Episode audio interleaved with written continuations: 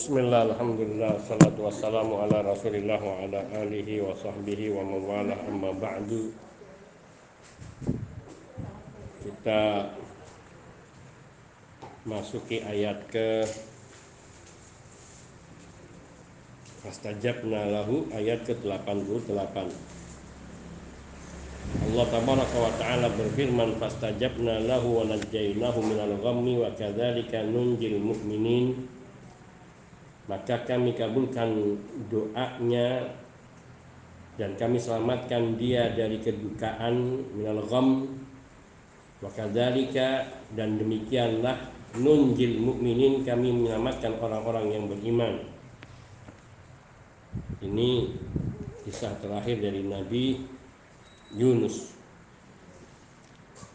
Allah tabaraka wa taala berfirman fastajabna lahu maka kami kabulkan doanya. Kami penuhi permintaannya yaitu yang berdoa di dalam perut ikan paus yang membaca doa la ilaha illa anta subhanaka inni kuntu minadz zalimin. Fastajabna lahu wa najjaynahu minal ghammi maka kami keluarkan akhrajnahu min batnil khut.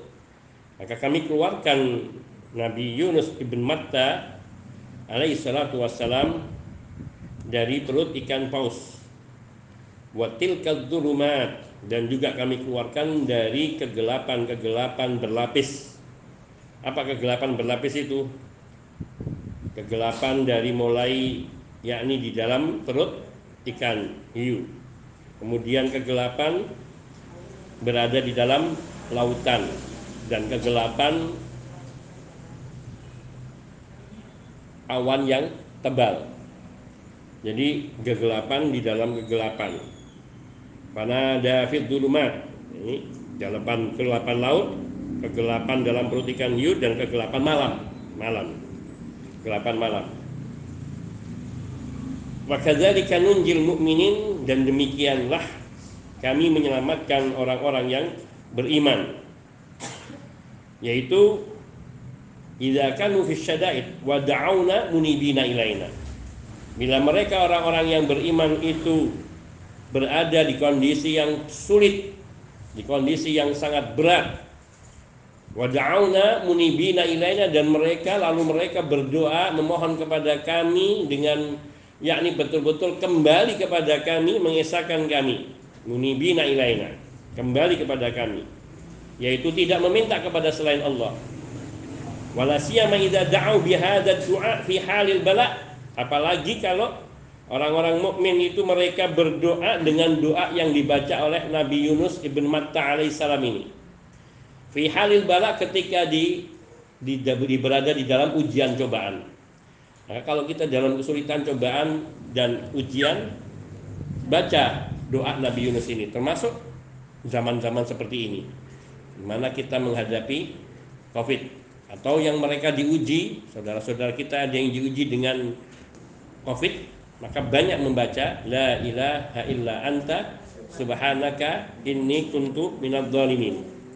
Karena Allah Subhanahu wa taala mengatakan fastajabna lahu wa najjaynahu wa kadzalika wa najjaynahu minal ghammi wa kadzalika nunjil mukminin. Allah mengatakan di sini dan kami selamatkan dia dari kedukaan, dari kedukaan, kesusahan, maka kesusahan apa saja mengisyaratkan tidak hanya dari kesedihan beliau di dalam ikan perut yang ini satu kasus namun bermakna secara umum dalam segala duka dan kesusahan kita bila memohon kepada Allah dengan doa ini wa insya Allah Allah akan menyelamatkan kita wa kadzalika nunjil mukminin karena Allah mengatakan di akhir ayat ini demikianlah dan demikianlah kami menyelamatkan orang-orang yang beriman. Faqad ja'a targhib fi du'a biha an sayyidil anbiya. Juga ada anjuran yang sangat untuk berdoa dengan doa ini yang ini datangnya anjuran ini dari Sayyidul Anbiya yaitu nabi yang paling mulia siapa? Nabi kita Muhammad sallallahu alaihi wasallam. Imam Ahmad Ibnu Hanbal rahimahullahu taala beliau meriwayatkan dari Sa'ad bin Abi Waqqas.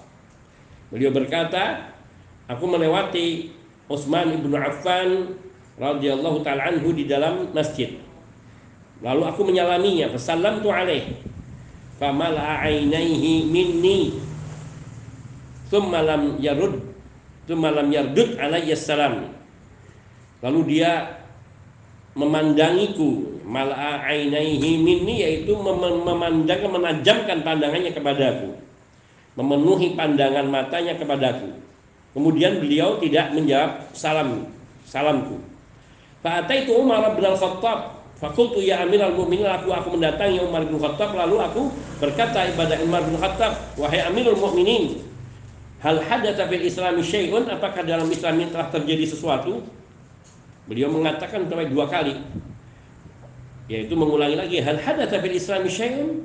Hal hadatsa fil Islam syai'un ada yang aneh gitu ada yang aneh apakah ada yang terjadi di dalam Islam ini sehingga beliau yang termasuk sahabat-sahabat dekat Nabi Shallallahu Alaihi Wasallam Utsman bin Affan sampai tidak menjawab salam daripada Ali bin Abi Thalib yang ia adalah mantu dan juga keluarga Rasul Shallallahu Alaihi Wasallam.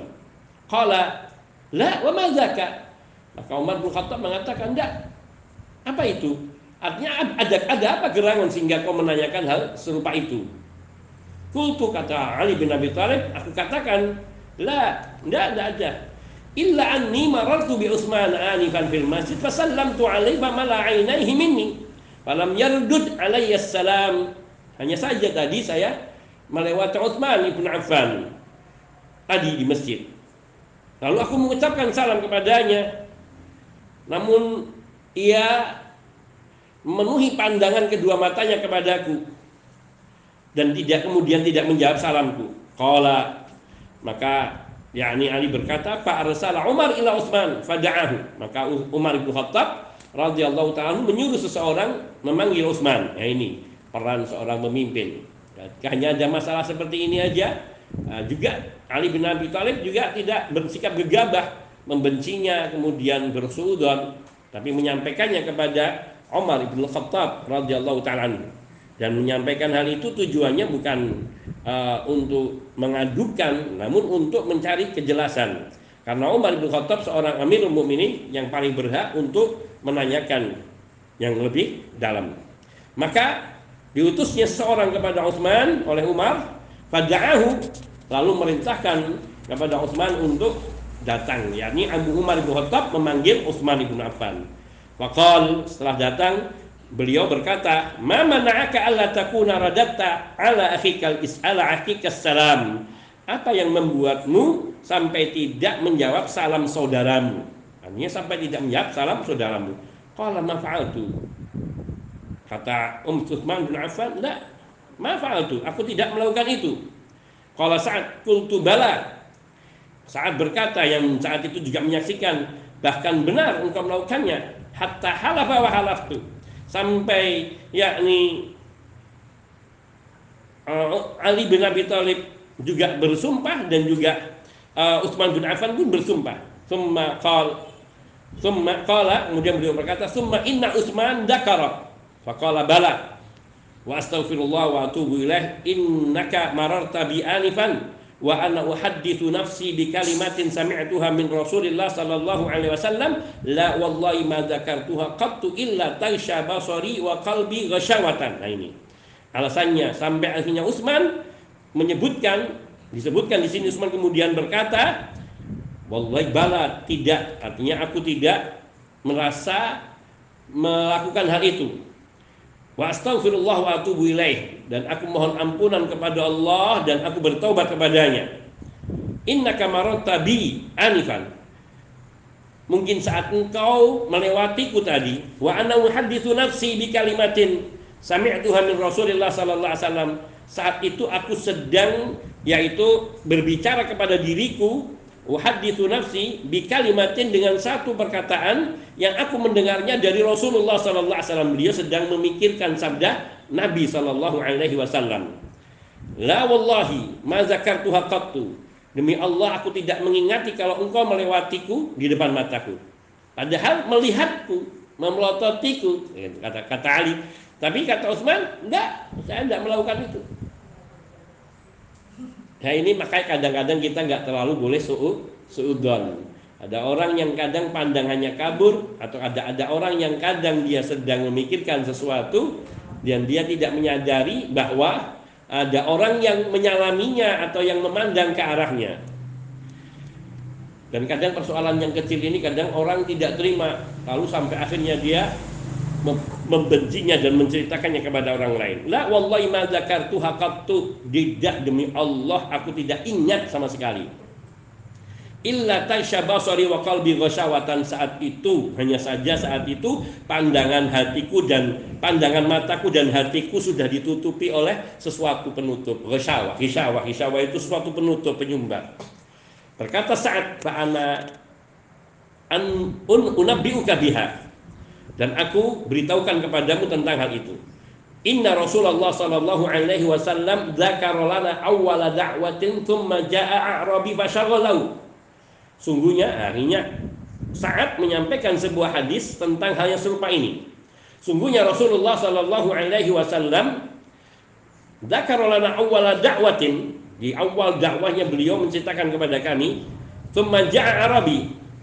Kemudian datang seseorang Arab Badui Arab pedalaman Arab pedalaman ini Fasyaghalahu Lalu membuat Nabi itu jadi sibuk karena kadang-kadang orang Arabi kalau datang langsung tanya segala macam atau sesuatu yang lain. Hatta koma Rasulullah sallallahu alaihi wasallam sampai akhirnya Rasulullah sallallahu alaihi wasallam bangun. Fattaba'tu lalu aku mengikutinya. Falamma asfaktu an an asfaktu ayasbiqani ila manzili darabtu biqadamayya al-ardha. Maka ketika aku takut kalau kalau Nabi mendahuluiku ke rumah beliau, yakni maka aku pukulkan kedua kakiku ke tanah. Faltafata ilayya Rasulullah sallallahu alaihi wasallam. Lalu Rasulullah sallallahu alaihi wasallam menoleh kepadaku. Faqal, lalu beliau bersabda, "Man hada?" Abu Ishaq. Lalu Nabi bertanya, "Siapa kamu? Siapa ini?" Apakah Abu Ishaq?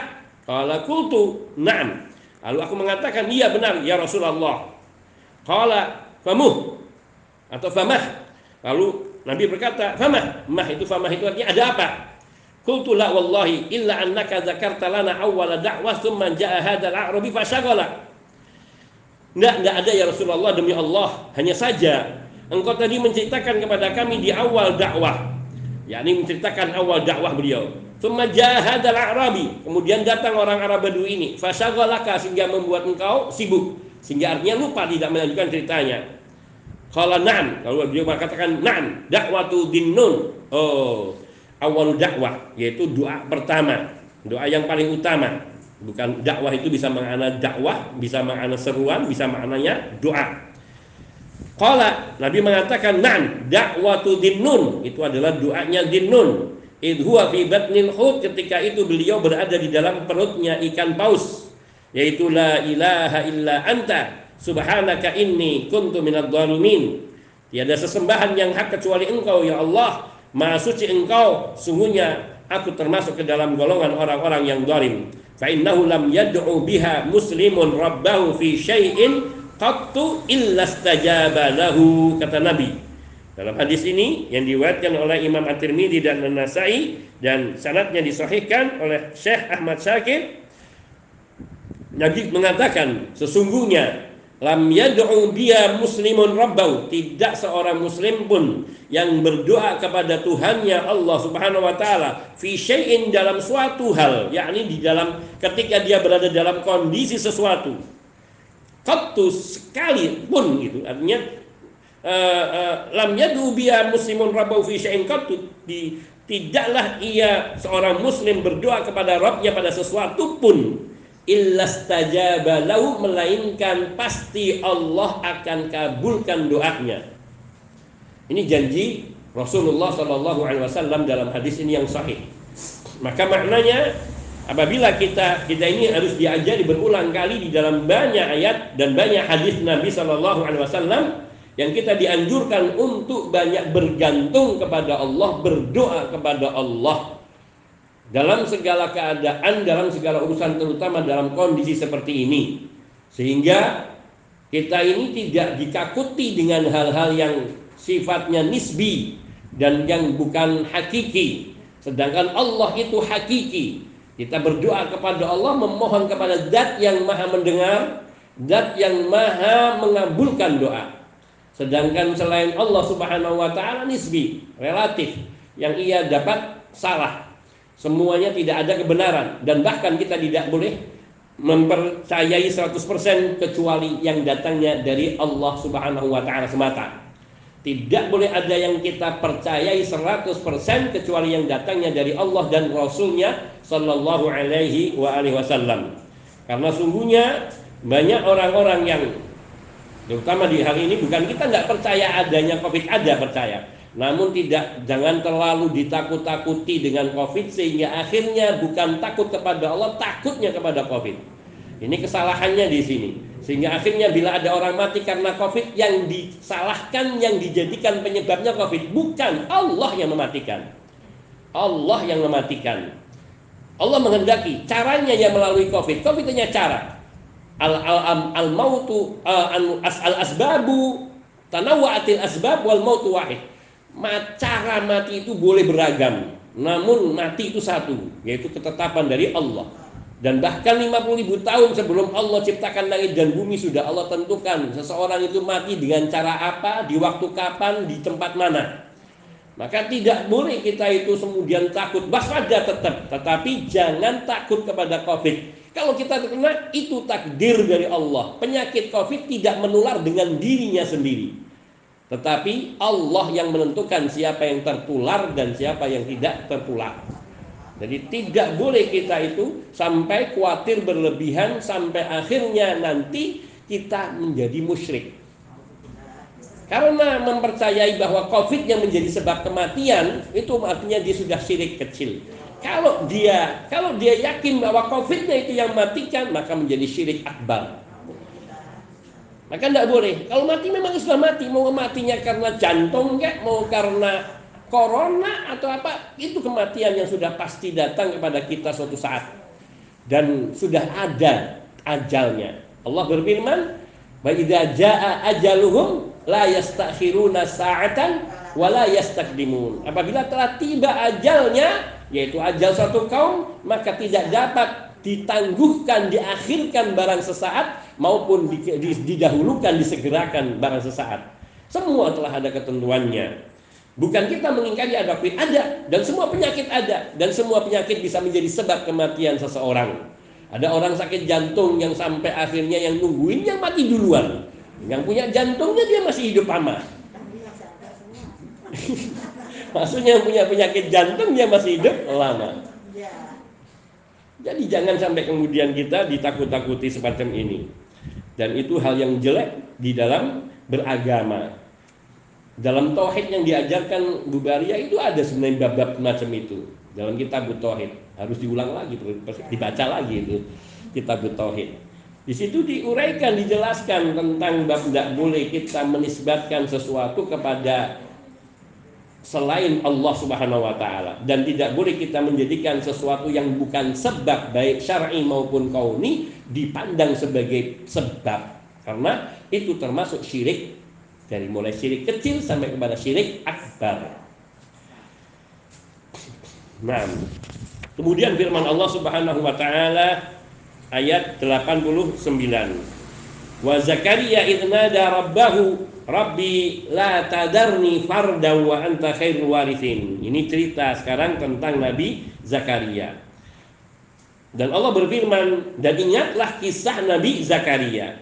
Yaitu ketika beliau berdoa kepada Tuhannya, Rabbnya. La tadarni fardan, ya Allah, Tuhanku, janganlah engkau biarkan aku hidup seorang diri tanpa keturunan. Padahal hidup beliau tidak sendirian, hidup hidup dengan masyarakatnya, dengan istrinya dan juga yang lainnya. Namun yang dimaksudkan sendirian di sini tidak punya keturunan. La tadarni fardan wa anta khairul warithin dan engkau adalah ahli waris yang terbaik. Yakni maknanya yang bisa memberikan pewaris-pewaris bagiku. Maka Allah Subhanahu wa taala berfirman fastajabna lahu wa wahabna lahu Yahya wa aslahna lahu zaujah innahum kanu yusari'una fil khairat wa yad'unana raghaban wa rahaba wa kanu lana khashi'in. Maka kami kabulkan doanya Nabi Zakaria alaihi salam. Wa wahabna lahu Yahya dan kami anugerahkan kepada Nabi Yahya seorang anak yaitu uh, seorang anak yaitu Yahya. Wa hababna lahu Yahya. Wa aslahna lahu zaujahu dan kami jadikan istrinya yang tadinya mandul dapat bisa punya anak wa wahabna wa aslahna lahu kami perbaiki kami perbaiki kami jadikan keadaannya baik. Aslahna lahu zaujah yaitu untuk Nabi Zakaria. Innahum kanu yusari'una fil khairat. Sungguh mereka Nabi Zakaria istrinya ini orang-orang yang soleh. Orang-orang yang selalu bersegera di dalam mengerjakan kebaikan fil khairat berlomba-lomba bersegera melakukan kebaikan. Wa yad'unana wa rahaban. Dan mereka adalah orang-orang yang selalu berdoa kepada kami dengan penuh harap. Raghaban penuh harap. Wa rahaban penuh kecemasan. Yakni cemas kalau tidak dikabulkan, takut kalau seandainya Allah menyiksanya dan sebagainya. Wa kanu lana dan mereka orang-orang yang khusyuk kepada kami. Allah tabaraka wa taala memberitakan tentang menceritakan tentang kisah hambanya yaitu Nabi Zakaria alaihissalam. Ketika beliau memohon kepada Allah untuk diberi karunia seorang anak. Yakunu min ba'di nabiyan yang kemudian setelahnya menjadi nabi mewarisi kedudukan beliau.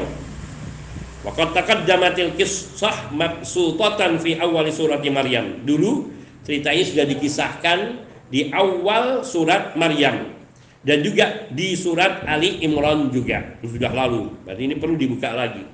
Wahuna ukhassir minhuma kata Imam Ibnu Katsir di sini saya akan ringkas kisah di dua tempat tadi di tempat ini. Idnada atau di sini Allah meng, meng, me, me, meringkas aksara minhuma yakni meringkas dengan kisah yang lebih pendek dari kisah yang Allah ceritakan dengan panjang lebar di awal surat Maryam dan juga di dalam surat Ali Imran. Idna darabbahu yakni ketika Nabi Zakaria memohon kepada Allah Subhanahu wa taala Rabbnya meminta karunia anak khufyatan an qaumihi yakni tanpa diketahui tidak dilihat oleh kaumnya khufyah berdoa kepada Allah Rabbi la tadarni fardan La walada li wala warisa bi finnas. Wahai Rabbku, jangan engkau tinggalkan aku, jangan engkau biarkan aku seorang diri tanpa anak keturunan dan tidak ada yang mewarisiku yang akan melakukan tugasku menyampaikan agama ini kepada tengah manusia. Nabi Zakaria menawatirkan itu. Wa anta khairul dan engkau adalah sebaik-baik yang memberi warisan. Dan engkau adalah sebaik-baik yang memberi warisan. Wa anta khairul warisin engkau lah ahli waris yang terbaik. Ahli waris yang terbaik. Doa dan pujian. Ini doa dan pujian sekaligus di satu tempat. Dan memang Allah paling suka disanjung hambanya. Karena Allah memang patut untuk disanjung. Untuk dipuji dimuliakan. Itu hanya Allah Sedangkan selain Allah maka tidak patut. Du'aun wa sana'un munasibun lil masalah. Dan antara doa serta sanjungan itu sangat cocok dengan permohonannya, yaitu memohon keturunan dan menyatakan Allah engkau adalah sebaik-baik pewaris, sebaik-baik pemberi warisan. Qala Allah Ta'ala Allah Ta'ala berfirman, "Fastajabna lahu wa wahabna lahu Yahya wa aslahna lahu zaujatah." Zaujah. Yakni maka kami kabulkan doanya Nabi Zakaria. Lalu kami anugerahkan kepada Nabi Zakaria yaitu seorang putra yang diberi nama kemudian dengan nama Yahya. Yaitu dengan cara Allah memperbaiki keadaan istri Nabi Yahya yang tadinya mandul sehingga bisa memiliki anak. Wa aslahna lahu zaujah.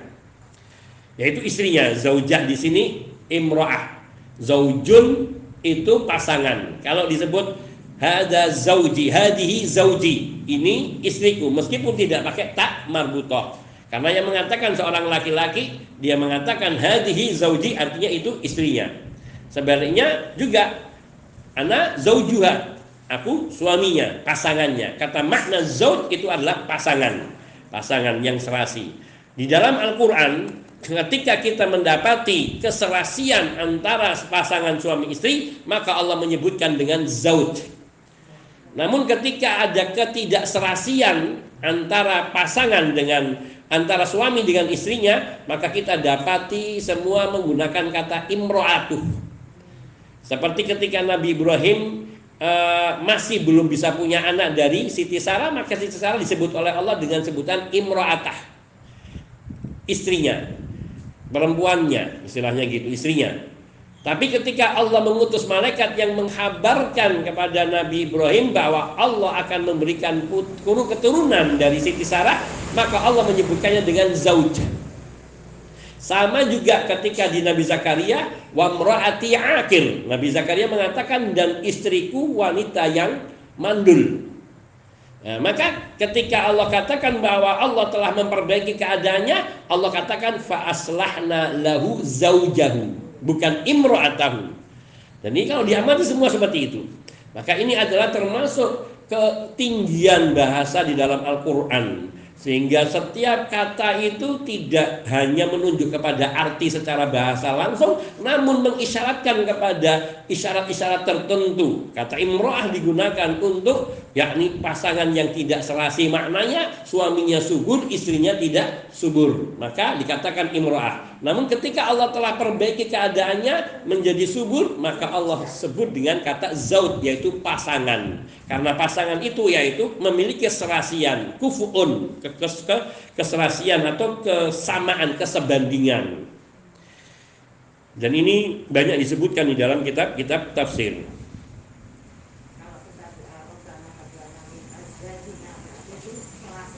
Iya, kita memohon istri-istri kita yang serasi sejalan dengan kita. Rabbana hab lana min azwajina bukan Rabbana hab lana min imra'atina atau min nisa'ina. Iya. Bisa, bisa juga. bisa juga. Dan kata di sini azwajina lebih umum bisa diucapkan oleh seorang laki-laki ataupun seorang perempuan. Sehingga pasangan maknanya pasangan. Wahai Rabb kami karuniailah kami pasangan-pasangan dan keturunan-keturunan. Rabbana hab lana min azwajina wa dzurriyyatina qurrata ayun yang mereka akan menjadi penyejuk hati kami, penyejuk mata hati kami yakni mereka yang akan membuatkan hati kami merasa bahagia selalu. Nah, di situ. Bagaimana kalau perempuan itu yang baik, perlakinya yang jelek? Hada rojuli, ya, misalnya ini orang laki-lakiku. Kalau orang orang apa namanya orang Betawi kan laki gua nih, laki gua. Orang Betawi menyebutnya laki. Ya tidak mesti, bukan dalam mesti akhlak saja. Mungkin tadi dalam dia dia yang mandul, istrinya yang subur, bisa seperti itu.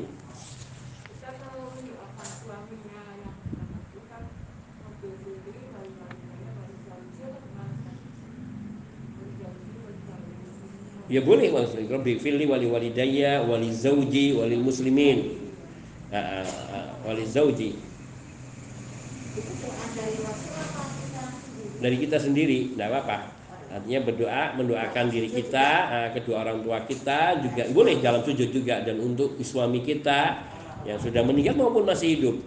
Masih hidup juga juga suami.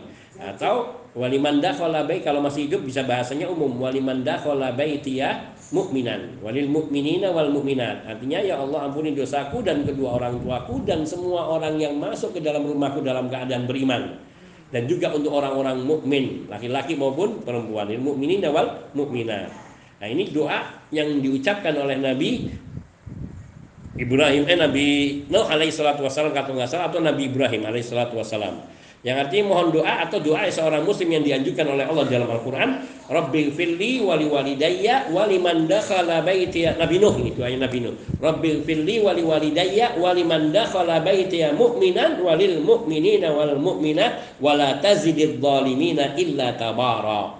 Ini doanya Nabi Nuh alaihi salatu wasallam dan ini lebih umum dan boleh kita baca ini termasuk di dalamnya adalah suami kita atau istri kita, anak-anak kita, keluarga kita, Ya Allah ampunilah dosa-dosaku, dosa kedua orang tuaku, dosa orang-orang yang masuk ke dalam rumahku, dakhala baiti, masuk ke dalam rumahku mu'minan sebagai seorang mukmin walil mukminin wal mukminat dan ampunilah seluruh orang mukmin termasuk anak-anak kita termasuk keluarga kita semua orang yang beriman. Jadi tidak meskipun sudah kita sebutkan ketika kita menyebutkan walil mukminin wal mukminat orang-orang mukmin laki perempuan itu semua yang sudah kita sebut pun termasuk ketika mereka semua orang mukmin Karena itu namanya penyebutan dikhususkan di awal, kemudian disebutkan secara umum untuk melebihkan kedudukan mereka di dalam hati kita, di dalam memohonkan ampunan. Namun juga kemudian mereka mendapatkan bagian dari doa itu untuk kedua kalinya ketika kita menyebutkan secara umum. Dan orang yang mendoakan ampunan untuk orang mukmin itu maka saya lupa detailnya tapi maknanya orang itu mendapatkan kebaikan yang banyak. Dia mendapatkan dari setiap orang mukmin itu satu kebaikan.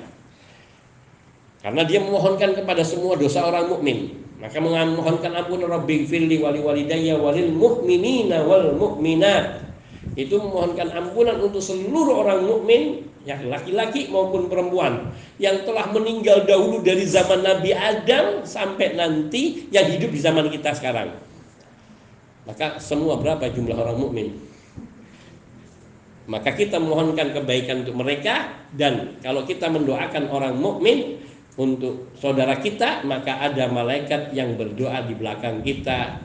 Amin yang mengucapkan amin yakni artinya Allahumma taqabbal du'aahu. Ya Allah kabulkanlah doanya dan disambahkan walaka bimithlin atau walaka bimasalin dan semoga engkau mendapatkan yang serupa dengan yang kau mohonkan. Artinya kita dimohonkan oleh para malaikat mendapatkan ampunan doa pula. Naam. Innahum kanu yusari'una fil khairat. Nah. Fastajabna lahu Suma kanat akhiran la talid fawaladatnya. Tadinya disebut dengan imro'ah itu karena dia tidak bisa punya anak. Akhir, akhir itu mandul, La talidu tidak bisa punya anak. Fawaladat kemudian diperbaiki keadaannya oleh Allah sehingga akhirnya menjadi subur dan bisa punya anak Nabi ah, Yahya, Nabi uh, Yahya, Nabi Yahya. Innahum kanu yusari'una fil khairat fi amal qurubat wa fi'li ta'at. Allah menyatakan bahwa keluarga Nabi Zakaria ini, Nabi Zakaria, Nabi Yahya dan istrinya mereka ini semuanya adalah orang-orang yang sangat bersegera di dalam melakukan berbagai amal perbuatan kebajikan. Allah puji mereka. Karena kebaikan mereka. Fi amalil kurubat yaitu dalam amalan-amalan yang mendekatkan Allah mendekatkan diri mereka kepada Allah. Wa fi'li ta'at dan di dalam melakukan segala bentuk ketaatan. Wa yad'una ma raghaban wa rahaban dan mereka selalu berdoa memohon kepada kami dengan penuh harap dan rasa cemas. Berkata Atsauri, ragaban fima indana, yaitu sangat berharap terhadap karunia yang ada pada kami yakni di sisi Allah Subhanahu wa taala. Warahaba artinya mimma indana dan merasa cemas takut dari apa yang kami ancamkan di sisi kami, yaitu ancaman siksa dan tidak diterima amalannya. Wa kanu dan mereka adalah orang-orang yang khusyuk kepada kami, yang tunduk kepada kami. Berkata Ibnu Abbas radhiyallahu taala anhuma, ay musaddiqina bima anzalallah, yaitu mereka orang-orang yang selalu membenarkan, mempercayai apa yang diturunkan oleh Allah Azza wa Jalla.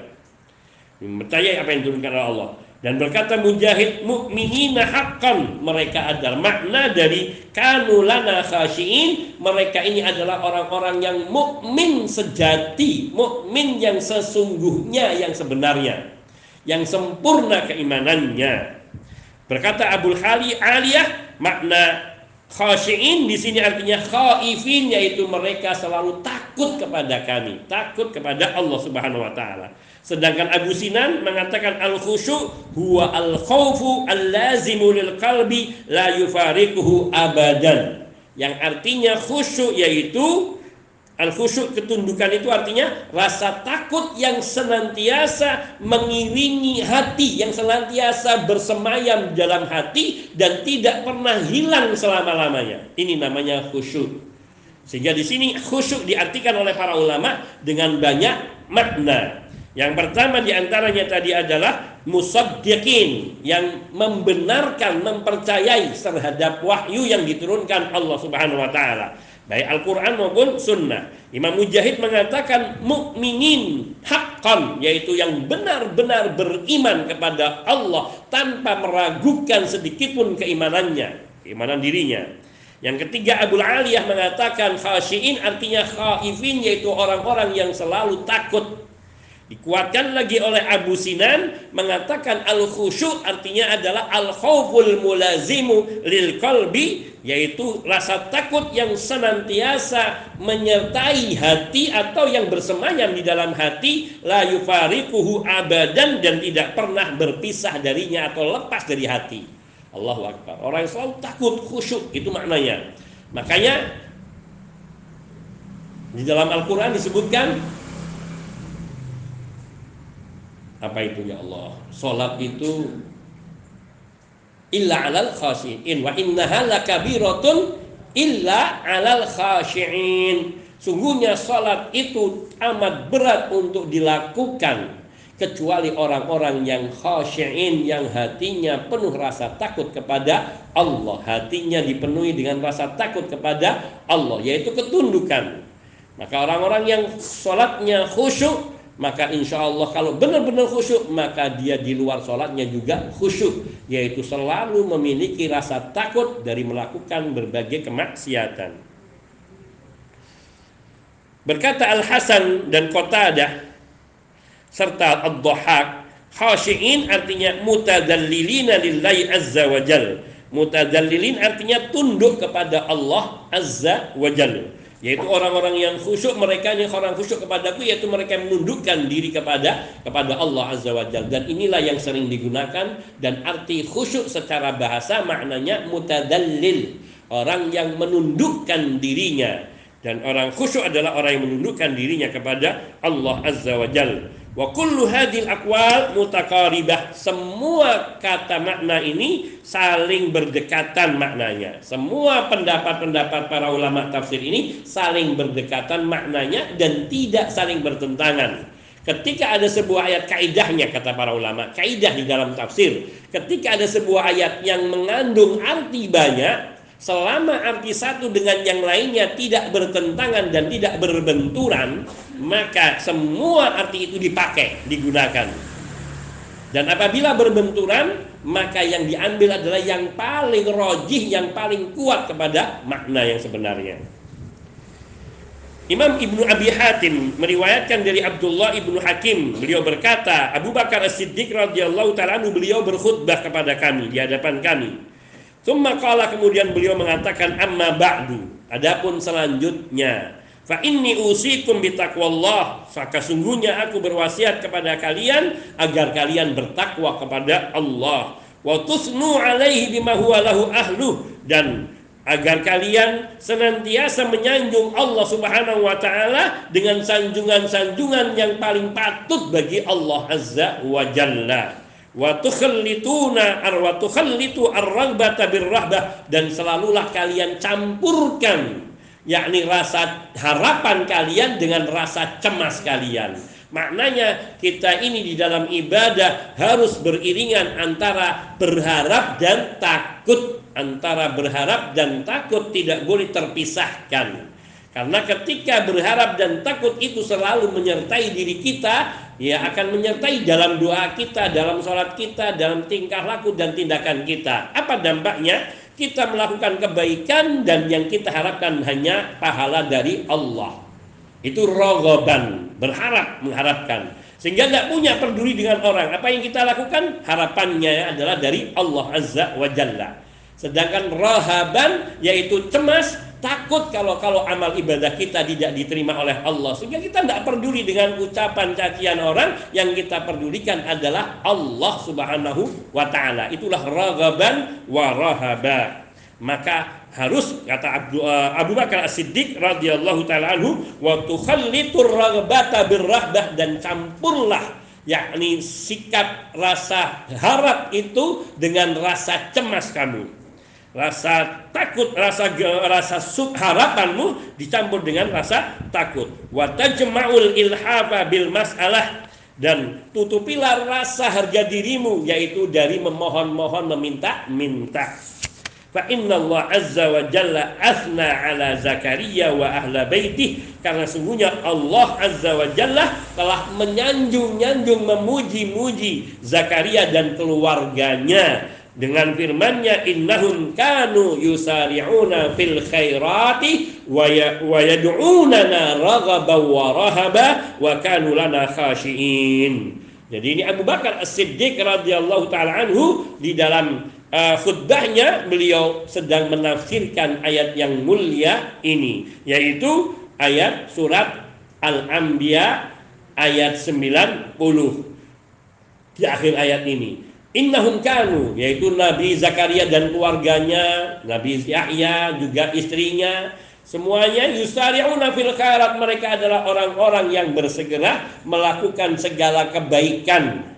Yaitu kebaikan di sini telah ditafsirkan tadi adalah uh, mengamalkan amalan-amalan takarrub kepada Allah dan ketaatan-ketaatan kepada Allah Azza wa Jalla itu yad'unana fil khaisariuna fil khairat. Wa yad'unana raghaba wa rahaba dan selalu beribadah memohon kepada kami dalam kondisi penuh harap dan rasa takut. Itu yang ada. Dan yang ketiga sifat yang ketiga yang ada pada keluarga Nabi Zakaria yaitu kanu wa kanu lana khashiin. Dan mereka selalu khusyuk kepada kami yaitu tunduk Terus apa lagi? Takut yang mengiringi dalam hatinya. Terus apa lagi? Yaitu membenarkan segala apa yang diturunkan oleh Allah Azza wa Jal beriman dengan sesungguhnya dan ini semua makna-makna yang saling terikat dan terkait dan tidak bertentangan bahkan saling menguatkan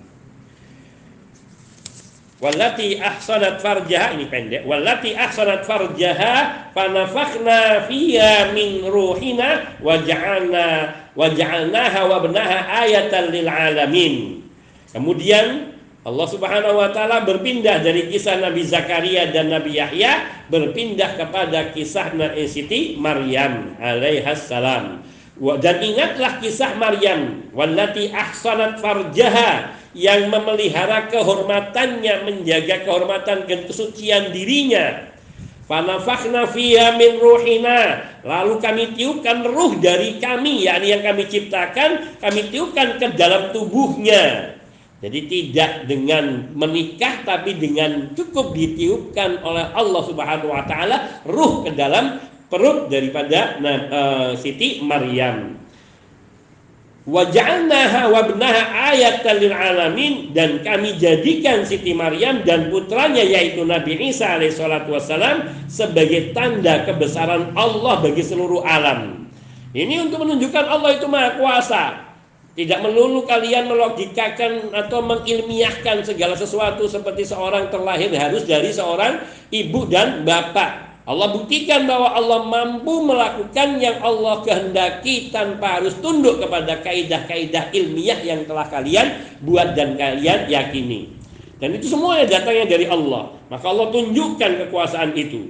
Fanafakhna fiyya min ruhina wa ja'alnaha wa ayatan. Kami jadikan Siti Maryam dan putranya Nabi Isa alaihissalatu wassalam ayatan bukti akan kebesaran Allah azza wa jalla lil alamin untuk seluruh alam yakni bukti kekuasaan Allah tidak hanya pada masa itu namun Allah abadikan di dalam kitab suci Al-Qur'an ini dan kita baca dan dibaca oleh orang-orang mukmin sampai menjelang hari kiamat nanti. Dan mereka semua akan mengagungkan Allah karena zat yang maha kuasa dan maha besar dan bertindak sebagaimana yang Allah kehendaki fa'alun lima yurid Demikian itu Allah Subhanahu wa taala menyebutkan kisah Maryam dan putranya Isa alaihissalam yang dibarengkan dengan kisah Nabi Zakaria dan putranya Yahya alaihi wassalam. Fayadhkuru awalan kisah Zakaria. Pertama Allah menceritakan kisahnya Nabi Zakaria. Pertama Allah mengisahkan ceritanya Nabi Zakaria. Kemudian setelah itu diiringi kisahnya Maryam. Karena kedua kisah ini saling terikat karena Siti Maryam itu masih kerabat dari Nabi Zakaria alaihi salam dan juga yang membesarkan Siti Maryam juga Nabi Zakaria. Fa inna ijadu waladin min syaihin kabirin. Dan di sini kisahnya sama-sama menakjubkan yaitu Allah memberikan karunia anak kepada Nabi Zakaria yang sudah berumur sangat tua sekali, yang sudah nggak mungkin punya anak. Yang qata'ana sini yang umurnya sudah sangat sepuh sekali. Tambah lagi perempuannya imra'atu ajuzin akirin, seorang wanita yang sudah nenek-nenek yang apa namanya ajuz akhir yang mandul. Lam takun tarik fi hali syababiyah dulu di waktu mudanya aja nggak bisa ngelahirin. Bayangkan apa orang akan percaya kalau ada nenek ngelahirin tapi anaknya sudah 9 atau 10 masih makul. Wong dia subur dari dulu. Ini masa mudanya nggak bisa ngelahirin nggak punya anak. Lah kok tua-tua sudah jadi nenek-nenek kok malah punya anak? Nah, ini kan Masya Allah. Ini makanya satu keajaiban yang Allah ingin tunjukkan. Dan ini semua adalah tanda kebesaran Allah bagi sekalian alam. Kemudian setelah itu Allah menceritakan kisahnya Siti Maryam. Dan ini lebih menakjubkan lagi. Bahaya ajab, lebih menakjubkan. Bagaimana tidak? Karena sungguhnya Allah Subhanahu wa taala di sini mentakdirkan Siti Maryam melahirkan anak min unta bila zakar, melahirkan anak tanpa bapak min unta bila zakat Allah memberikan kemampuan Allah menunjukkan kemampuan kekuasaannya bahwa Allah menciptakan Nabi Isa melalui diri Siti Maryam tanpa disentuh oleh seorang lelaki pun.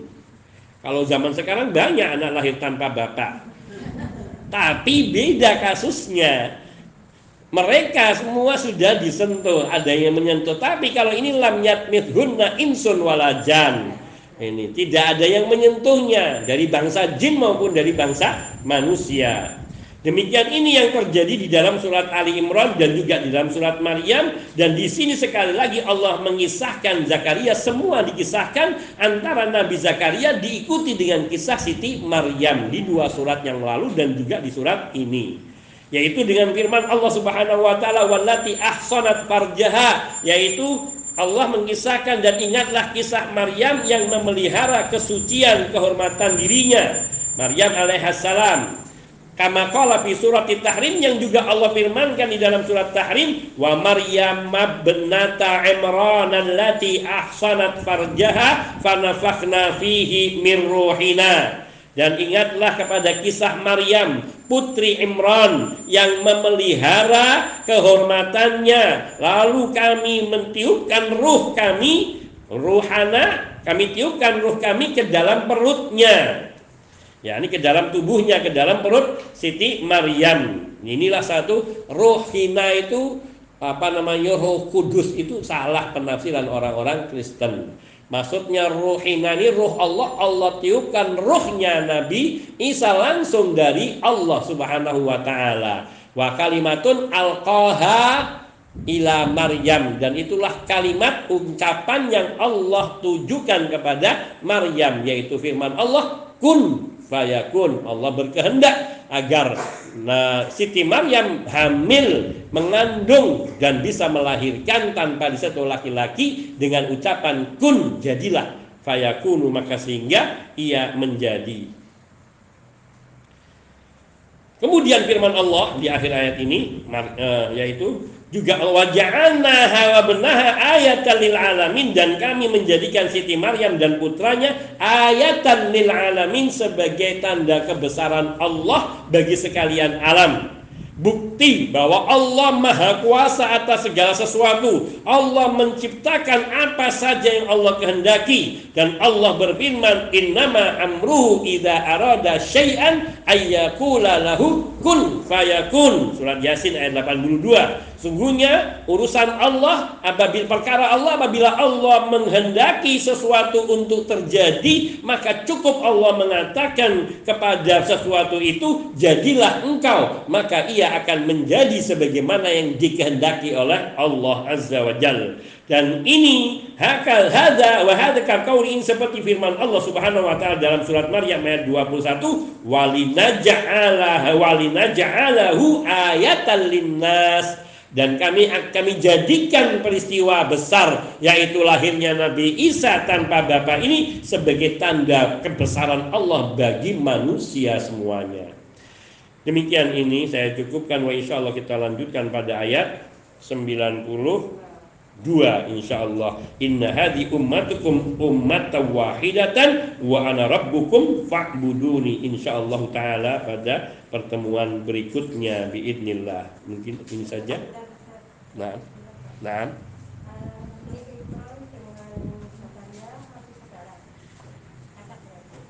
Iya, kalau tidak salah seperti itu.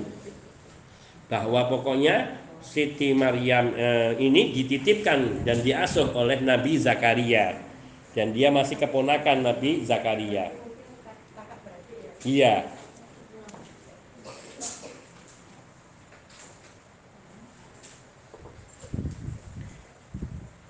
Ya, ada sejarahnya saya lupa detailnya ibunya Siti Maryam itu siapa itu ada. Tapi harus diketahui bahwa Imron di sini bukan bukan bapaknya Nabi Musa yang juga Imron Musa bin Imron itu lain Imronnya karena jarak antara Nabi Isa ke Nabi Musa sendiri sudah uh, ribuan tahun 1500 tahunan antara Nabi Musa kepada Nabi Zakaria